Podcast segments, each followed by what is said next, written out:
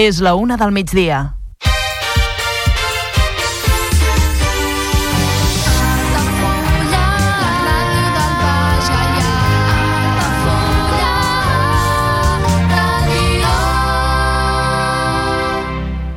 Altafulla Ràdio. Serveis informatius.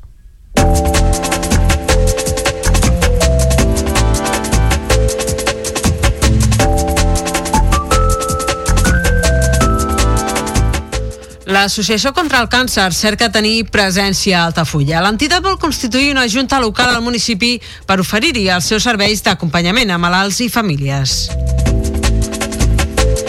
El Carnaval d'Altafulla incorpora un dinar entre colles diumenge per facilitar l'impàs entre les rues del matí i de la tarda. L'Ajuntament d'Altafulla vol fidelitzar les colles locals i es recupera la presència dels Diables al comiat del Carnestoltes dimecres de cendre. El cinema independent torna aquest divendres a la Vileta amb la projecció del film britànic Mogul Mowgli. La pel·lícula és un drama sobre cultura, família i malaltia, amb tocs de surrealisme amb tocs de surrealisme màgic que va guanyar el premi a millor òpera prima al REC. Les obres de la futura comissaria dels Mossos d'Esquadra de Torredembarra es troben ja a la seva fase final. S'ha recuperat el petit retard que s'havia acumulat amb els problemes que van sorgir a l'inici de l'obra amb el nivell freàtic dels terrenys. I la Pobla de Montornès disposa des d'aquest dilluns d'una nova pista de pàdel a la zona esportiva municipal. El municipi disposa ara d'un complex esportiu integrat pel poliesportiu, la piscina, la pista de pàdel i pròximament un nou parc de calistènia.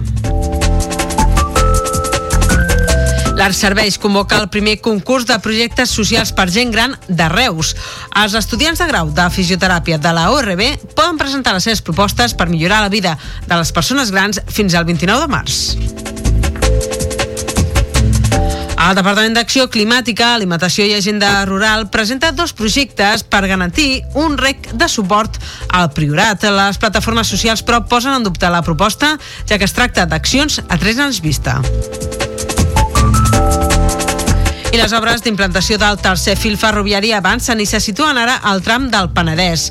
Els treballs afecten els trens de la línia R4 de Rodalies i els dies laborables la circulació estarà tallada gairebé tota la jornada.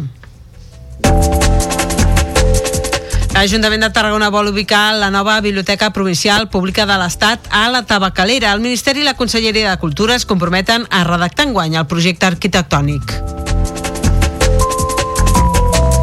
En futbol, les baixes limiten i castiguen l'Altafulla davant del Constantí. Les abelles, amb un total de 8 absències i només 8 efectius, es queden sense energia en els últims 20 minuts.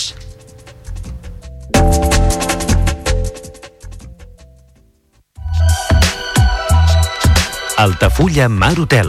Esdeveniments familiars, comunions, batejos i casaments i reunions d'empresa. Sales privades amb llum natural, terrassa i accés al jardí, des de 10 fins a 200 assistents. Altafulla Mar Hotel, el teu espai de confiança per a les teves celebracions familiars al barri marítim d'Altafulla. Demana pressupost sense compromís trucant al 977 65 11 55. Altafulla Mar Hotel. Altafulla Mar Hotel patrocina l'informatiu.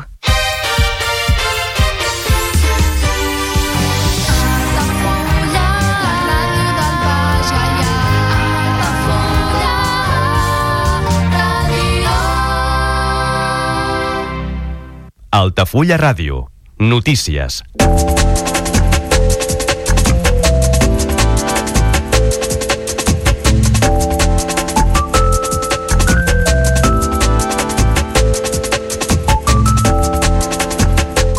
L'Associació contra el Càncer a Tarragona es troba en procés d'expansió al territori cercant donar-se a conèixer i oferir els seus serveis a un ventall més ampli de la població.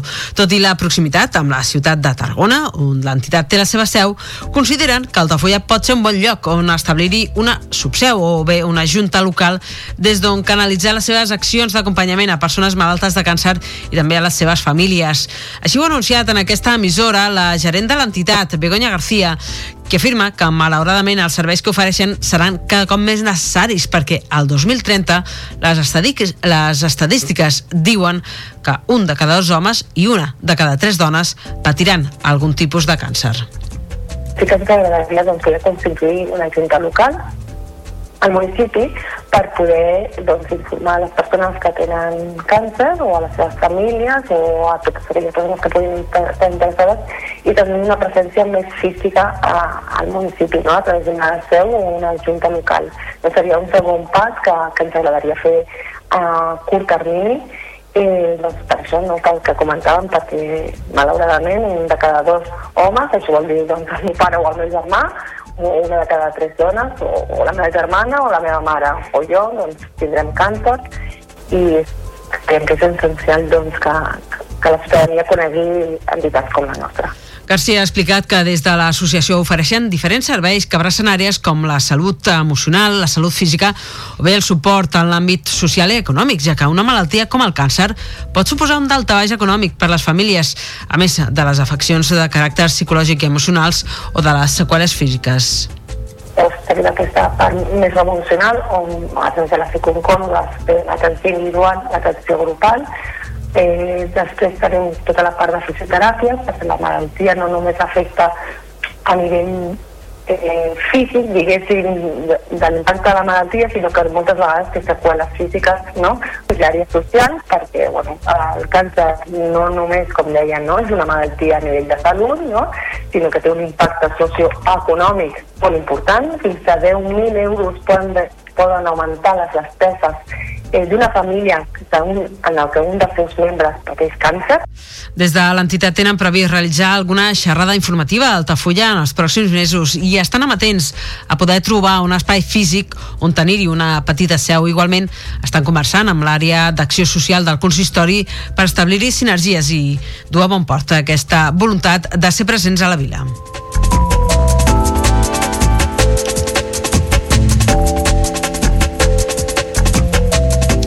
Canviem eh, totalment de qüestió. Us expliquem que el Carnaval d'Altafolla comença a definir-se amb les inscripcions que ja estan en marxa i la voluntat expressada per les colles de participar-hi. Inicialment seran cinc carrosses i dues comparses que ja haurien confirmat la seva presència a l'espera de tancar les inscripcions el pròxim dia 1 de febrer. Les colles participants es trobaran enguany amb una novetat destacada, com és la celebració d'un dinar pels integrants de carrosses i comparses que es durà a terme diumenge dia 11. D'aquesta manera es pretén que hi hagi una continuïtat entre la rua del matí i la de la tarda i que els grups no hagin de marxar cap a casa i tornar a sortir després. Es vol, doncs, facilitar la logística d'aquella jornada i fer germanor, com explica el tercer tinent d'alcaldia i regidor de festes, Àlex Canyes aquest impàs no? de, del diumenge al matí a diumenge a la tarda doncs, sigui molt més fàcil eh, la logística de, de tots els participants eh, llavors aquest, aquest dinar popular que serà, ja et dic, exclusiu per les colles eh, serà el poliesportiu doncs facilitarà també eh, que tothom pugui participar a la tarda en el sentit de, doncs, que no hagin de marxar cap a casa o buscar-se un lloc per, per dinar per després al cap de poques hores eh, tornar a sortir doncs d'aquesta manera també eh, el que fomentem és una mica cohesió de, de tots els grups, de totes les colles, no? un dinar de germanor de tots els participants la Rua de diumenge a Baixmar es recupera enguany després que s'hagués impulsat el 2022 a l'anterior mandat com un acte consensuat amb les colles i que, com ha destacat Canyes, pretén fidelitzar-les a les celebracions d'Altafulla, fent que aquestes no hagin de desplaçar-se a pobles veïns, com ara Torre d'en Barra, si tenen la possibilitat de gaudir d'una rua matinal a casa sobretot això, no? de fidelitzar que, que les colles doncs, es vulguin quedar a Altafulla per logística, per, per, per potenciar el que ja tenim aquí a casa i els grups doncs, també així, així ho volen eh, crec que és que, que, que doncs això, no? que, que és doncs, molt important que, que hi hagi predisposició per part de, dels grups i que, i que puguem fer doncs, una bona jornada matinal el diumenge eh, doncs, aquí a Altafulla per, per això, per seguir potenciant doncs, totes les festes locals i que ningú hagi de marxar a fora per gaudir d'alguna cosa que ho pots fer doncs, al teu poble, no?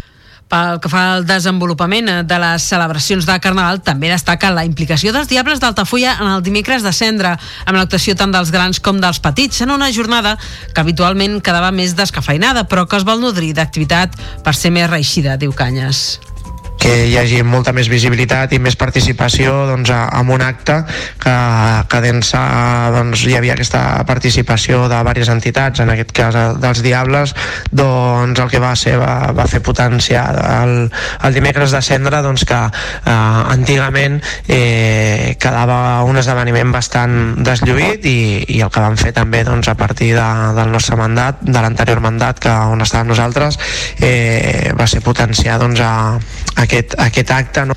El programa d'actes del Carnaval d'Altafolla 2024 encara no s'ha donat a conèixer de manera oficial, però comptarà, com és habitual, amb l'acte d'arribada del Carnestoltes, dijous les rues de dissabte i diumenge, el comiat del rei de les Disbauxa, dimecres de cendre i altres activitats paral·leles.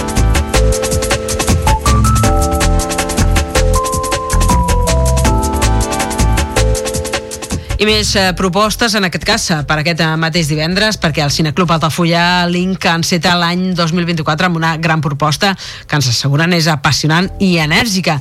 És el film Mogul Mowgli, una pel·lícula amb la qual el director Bassam Tariq va guanyar el Premi a millor òpera prima al Festival Rec de Tarragona al 2020. Igualment es van dur el Premi Fipresci del Festival de Berlín, entre altres guardons i nominacions. És, com diuen des del Cineclub, una pel·li que es pot considerar de les imprescindibles del cinema contemporani. N'ha parlat en aquesta emissora José Manuel Riz, el president de l'entitat. Nosaltres vam tenir l'oportunitat de veure la que va entrar al Festival de Sant Sebastià i, i al Festival Rec on el Festival de Sant Sebastià va tenir molta repercussió, però el Festival Rec um, va guanyar el premi a la millor òpera prima, que és el, el premi insígnia del, del festival, a part d'altres premis al Festival de Berlín i altres llocs, i era una pel·lícula que ja quan la vam veure en, en aquests festivals vam dir que, bueno, consideraven que, que això, per com tractava els diferents temes i, com, i la posada en escena que feia era doncs, molt interessant de poder-la poder fer. Mogul Mowgli està protagonitzada per l'actor Riz Ahmed, qui interpreta a Zed, un raper britànic pakistanès qui en el millor moment de la seva carrera i a punt de començar una gira mundial decideix volar al Regne Unit per visitar la família que fa dos anys que no veu. Les seves cançons són intenses, amb lletres punxants i carregades de missatge integrador vers la seva cultura d'origen, però tot i així, en Zed sembla estar allunyat de qui és i d'on ve. A la seva estada familiar es veu sobtadament afectat per una malaltia autoimmune, però com assenyala Ruiz, no, és, eh, no estem davant de la típica pel·lícula de superació d'una malaltia, sinó que aprofundeix en les relacions humanes i familiars i en l'acceptació dels orígens d'un mateix. Potser és una, la típica història de, de superació d'una enfermetat i no és el cas. O sigui, això és, diguem-ne, un punt que el que fa és doncs, donar peu a altres situacions i a altres lectures de la pel·lícula com el fet que, bueno, que, que parla de, del, dels orígens, d'entendre de, un mateix d'on de, on ve, de qui és, d'acceptar qui és, però també eh, a vegades pot ser la, la dicotomia entre acceptar-ho bé o no acceptar-ho del tot bé, no? Ruiz, a més, explica que la pel·lícula ofereix moments de surrealisme màgic a partir d'al·lucinacions del protagonista i també elements de musical i denúncia social. Qui vulgui descobrir aquest film té l'oportunitat de fer-ho aquest divendres, 19 de gener a les 8 del vespre a la Vileta. Les entrades es poden adquirir des de mitja hora abans a la taquilla de la sala.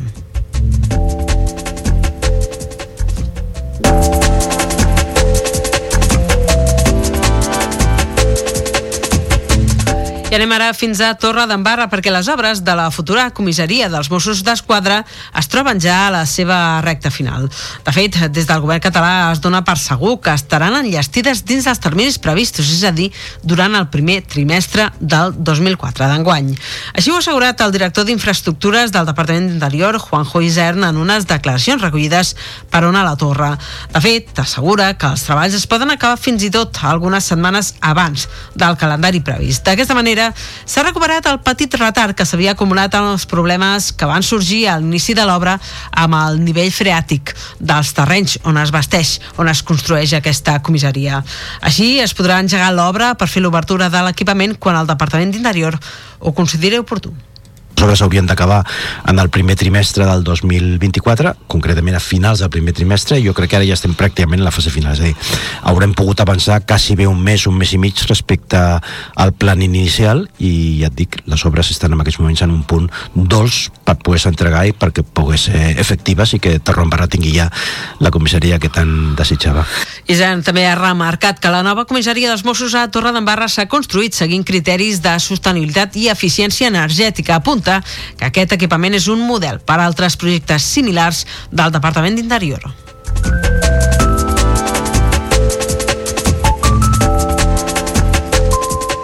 I a la Pobla de Montornès ja es disposa des d'aquest dilluns d'una pista de pàdel que s'ha instal·lat a la zona esportiva del municipi al costat del pavelló poliesportiu. Per promocionar aquest espai, el consistori ha obert les portes del nou equipament de forma gratuïta fins al pròxim 29 de febrer. Això sí, cal fer reserva prèvia a través de l'aplicació Apuntat. D'aquesta manera, la regidoria d'Esports de l'Ajuntament pretén fomentar la pràctica de nous esports al municipi per aquest motiu ha substituït l'antiga pista de tennis per una pista de pàdel, com s'assegura en un comunicat emès pel mateix consistori. El regidor responsable de l'àrea, Eric Vicenç, explicava fa uns dies en declaracions en aquesta emissora que aquesta és una mesura per donar resposta a les necessitats dels veïns i veïnes que es desplacen a altres municipis a jugar a pàdel. Les pistes, a més, seran domotitzades perquè la gent pugui fer els pagaments via aplicació i d'aquesta manera diu uh, Vicenç que es disposarà d'un complex esportiu propi del segle XXI integrat pel poliesportiu, la piscina, la pista de pàdel i pròximament un nou parc de calistènia. D'aquesta manera la Pobla disposarà d'aquest eh, complex i cal recordar que aquesta és la primera de les quatre pistes de pàdel que construirà el consistori.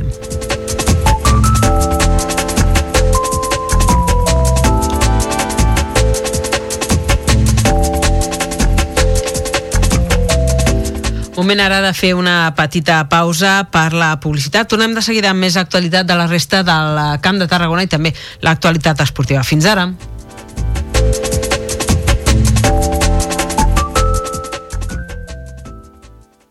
Ja coneixes les propostes que t'ofereix el Club Marítim Altafulla? Vine i descobreix totes les nostres activitats. Sortides en caiac o pa del surf, cursos de vela per a totes les edats.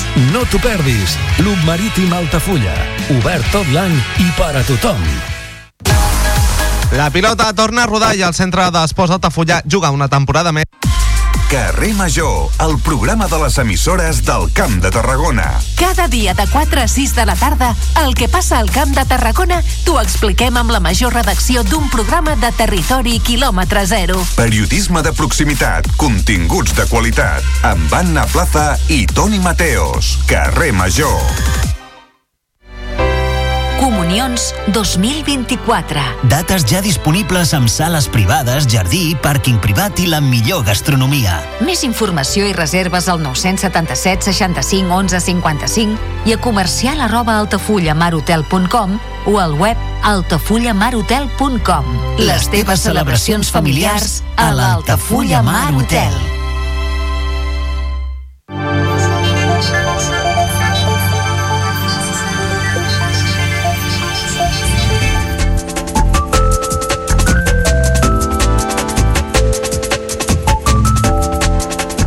Reprenem l'informatiu d'aquest dimarts 16 de gener del 2024 amb una informació que ens arriba des de l'Arc Serveis, l'empresa que gestiona el centre de dia Marinada de gent gran de Roda de Barà i també de la Universitat Rovira i Virgili. dos han convocat el primer concurs l'Arc Serveis Assistencials de Projectes Socials Reus 2024. És una iniciativa que pretén donar una oportunitat als estudiants del grau de fisioteràpia de la universitat per posar en pràctica els coneixements adquirits durant la seva formació i buscar sinergies també entre el món acadèmic i el món professional. Els estudiants de fisioteràpia de la Facultat de Medicina i Ciències de la Salut de Reus poden presentar a la universitat fins al 29 de març d'enguany els seus projectes o propostes individuals que siguin viables per incorporar a l'empresa amb l'objectiu de facilitar la vida de les persones amb dependència o gent gran que viuen al seu propi, al seu propi domicili. El premi per al projecte guanyador està dotat amb 500 euros. Per la seva banda, la gerent de la serveis, Jerusalem Torra, ha explicat que l'objecte del concurs és proporcionar eines d'intervenció i millora de la qualitat de vida de la gent gran depenent en propostes que contribueixin a la seva autonomia i la dignitat i que s'adaptin al seu dia a dia. Torra assenyala que la iniciativa ha nascut de la voluntat de desenvolupar eines i activitats d'atenció domiciliària que millorin la vida diària d'aquestes persones i donin cobertura a les seves necessitats en línia doncs, amb els serveis que ofereix aquesta empresa.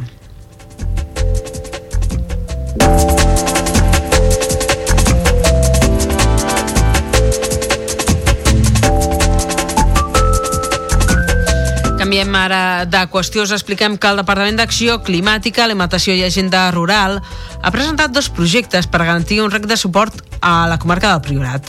Les dues propostes independents captaran aigua del riu Ebre per abastir els pantans de Margalef i de Siurana. D'una banda, es proposa portar l'aigua des de Garcia, a la ribera d'Ebre, fins al pantà dels Guiamets i després al pantà de Siurana. Segons el conseller David Mascort, la Confederació Hidrogràfica de l'Ebre n'està al corrent i d'altra banda es planteja connectar el pantà de Margalef al canal Garriga Sud. Segons el titular d'Acció Climàtica, es tracta d'una solució estructural, però que els regants tindran una altra solució per assegurar el futur del sector primari de la zona, especialment pel cultiu de vinya i olivera. Riu de Canyes tindrà una altra solució. Nosaltres ja hem explicat que hem licitat el projecte per portar l'aigua regenerada de la, de la era de Reus fins a l'embassament i per tant tindrem l'aigua per portar a Riu de Canyes des d'allà però és evident que la, la comunitat de regants de Riu de Canyes té una concessió i que hem de veure si podem deixar de fer servir-la i per tant deixar de portar aigua de Sirona cap a Riu de Canyes, que seria l'òptim. Dues propostes, les eh, que ha ofert la Conselleria, que si els tràmits no s'endarrereixen, veurien la llum els següents 3 anys. La previsió és enllestir-ho tot pel 2027 i utilitzar 5 hectòmetres cúbics d'aigua anuals. Els dos projectes, d'un pressupost d'uns 60 milions d'euros, ja tenen elaborats els estudis de viabilitat i beneficiarien fins a 10 municipis. A banda, recordem que hi ha el projecte de l'Agència Catalana de l'Aigua per tal que els regants de Riu de Canyes puguin utilitzar l'aigua de la depuradora de Reus. I les diferents plataformes que hi diuen, doncs, estan alarmades davant d'aquestes propostes. La plataforma en defensa de l'Ebre alerta que aquestes idees blindarien el trasbassament d'aigua a Reus. D'altra banda, des del Priorat, la plataforma pel riu Siurana ha indicat que la solució de la comarca no és derivar aigua a Riu de Canyes i que sigui el Priorat qui decideixi quin ús fa de l'aigua. Les entitats també creuen que la proposta no té res a veure amb la situació actual de sequera i escassetat, perquè es tracta d'una obra a tres anys vista. El portador de la plataforma Defensa de l'Ebre, Manolo Tomàs, valora la proposta de la conselleria. Sí que és veritat que ens alarma moltíssim que mm, torna a parlar d'una captació d'aigua de l'Ebre cap, a, cap al Siurana, quan el Siurana és un riu que està desviat cap a, cap a, cap a la zona del Baix, perdó, del Baix Camp i de Reus, no? Per tant, entenem que una, dels, una dels missatges que m'està enviant el conseller és que preserven o que, o que enfortixen o que guarden el trasbassament cap a, cap a Reus, suplint la, la mancança del Siurana en aigua de l'Ebre. Això és un trasbassament. O sigui, nosaltres en aquest sentit creiem que és augmentar la pressió sobre el riu, és, és ampliar el que seria la, els usos de l'aigua en termes agrícoles i això creiem que nosaltres no podem estar d'acord. Tant eh, la comunitat de regants del Pantà de Riu de Canyes com Unió de Pagesos eh, de moment han declinat valorar aquest projecte explicant que no en coneixen els detalls i que el departament no els ha convocat a cap reunió per explicar-los.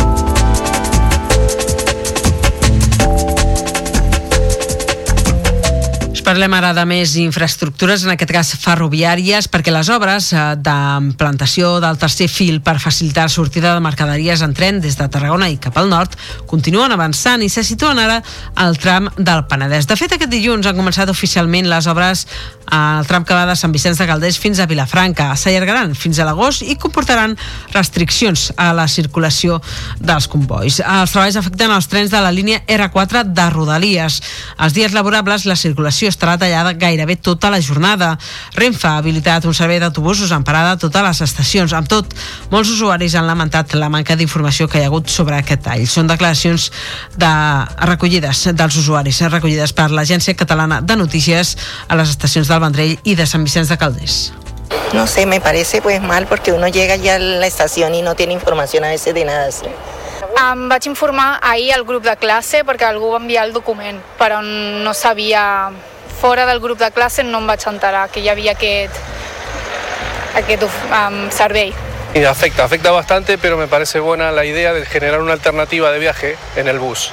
Y hasta inclusive con mejor frecuencia, porque si viene cada media hora me parece muy positivo. Aquestes restriccions es van anunciar dijous de la setmana passada. Els caps de setmana i festius el servei funcionarà amb normalitat.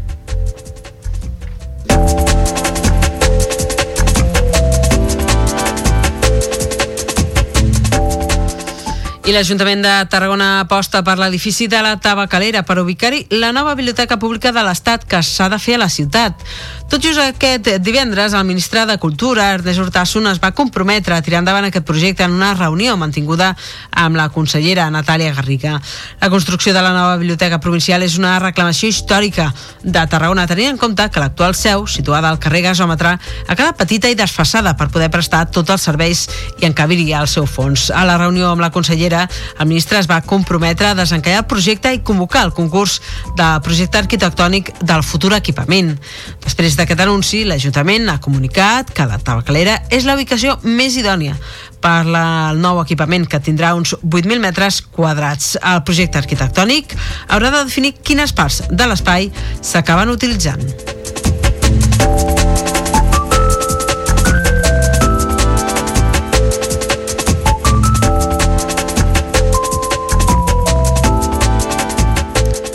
I obrim ara plana esportiva parlant eh, del primer equip de futbol femení del Centre Esports Altafulla que ha perdut el segon partit de la temporada, la visita al camp d'un rival directe com és el Constantí. Ha estat el partit corresponent a la jornada 12 de la Lliga Femení 7 de Tarragona.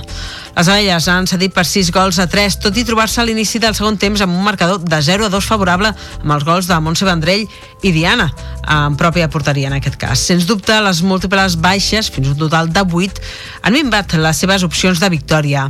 El tècnic José R. Márquez només ha tingut 8 jugadores a la seva disposició. Les locals, amb 3 efectius més a la banqueta, han aprofitat aquesta situació per remuntar el marcador. La dobleta de Talia Ruiz, tot just després del 0-2, ha estat clau.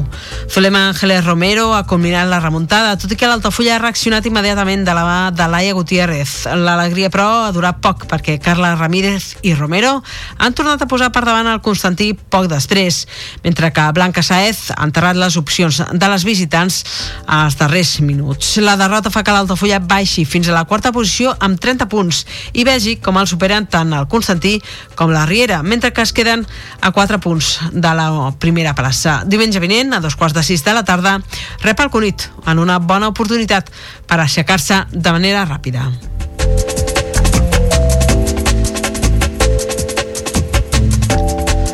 I fet aquest eh, breu apunt sobre l'actualitat esportiva de casa nostra, nosaltres arribem fins al final d'aquest informatiu d'aquest dimarts, dia 16 de gener del 2024. Com sempre, en directe al 107.4 de la FM de la freqüència modulada. També ens heu pogut seguir en directe a través del canal d'Altafulla Ràdio a la televisió o bé, per aquells que tingueu un telèfon mòbil amb aplicació amb sistema operatiu Android, doncs ho podeu fer, ens podeu seguir per l'aplicació, per l'APP d'aquesta casa. Igualment, al nostre web web a www.altafollaradio.cat ens podeu seguir en directe o bé recuperar el podcast, la gravació d'aquest informatiu, així que ho desitgeu. Res més, eh, des d'aquí, des dels estudis del carrer Marquès de Tamarit d'Altafulla, tot l'equip que fem possible aquest programa us saluda ben cordialment, en especial una servidora que us està parlant en aquests moments, la Carol Cubota, que us envia una forta abraçada.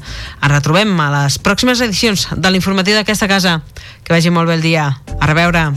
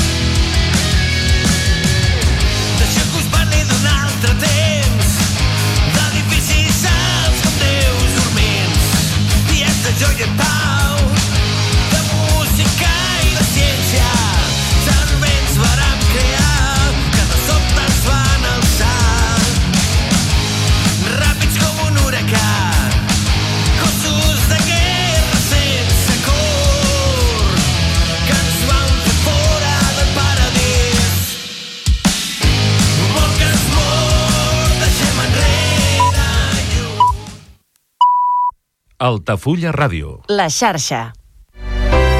Comunions 2024. Dates ja disponibles amb sales privades, jardí, pàrquing privat i la millor gastronomia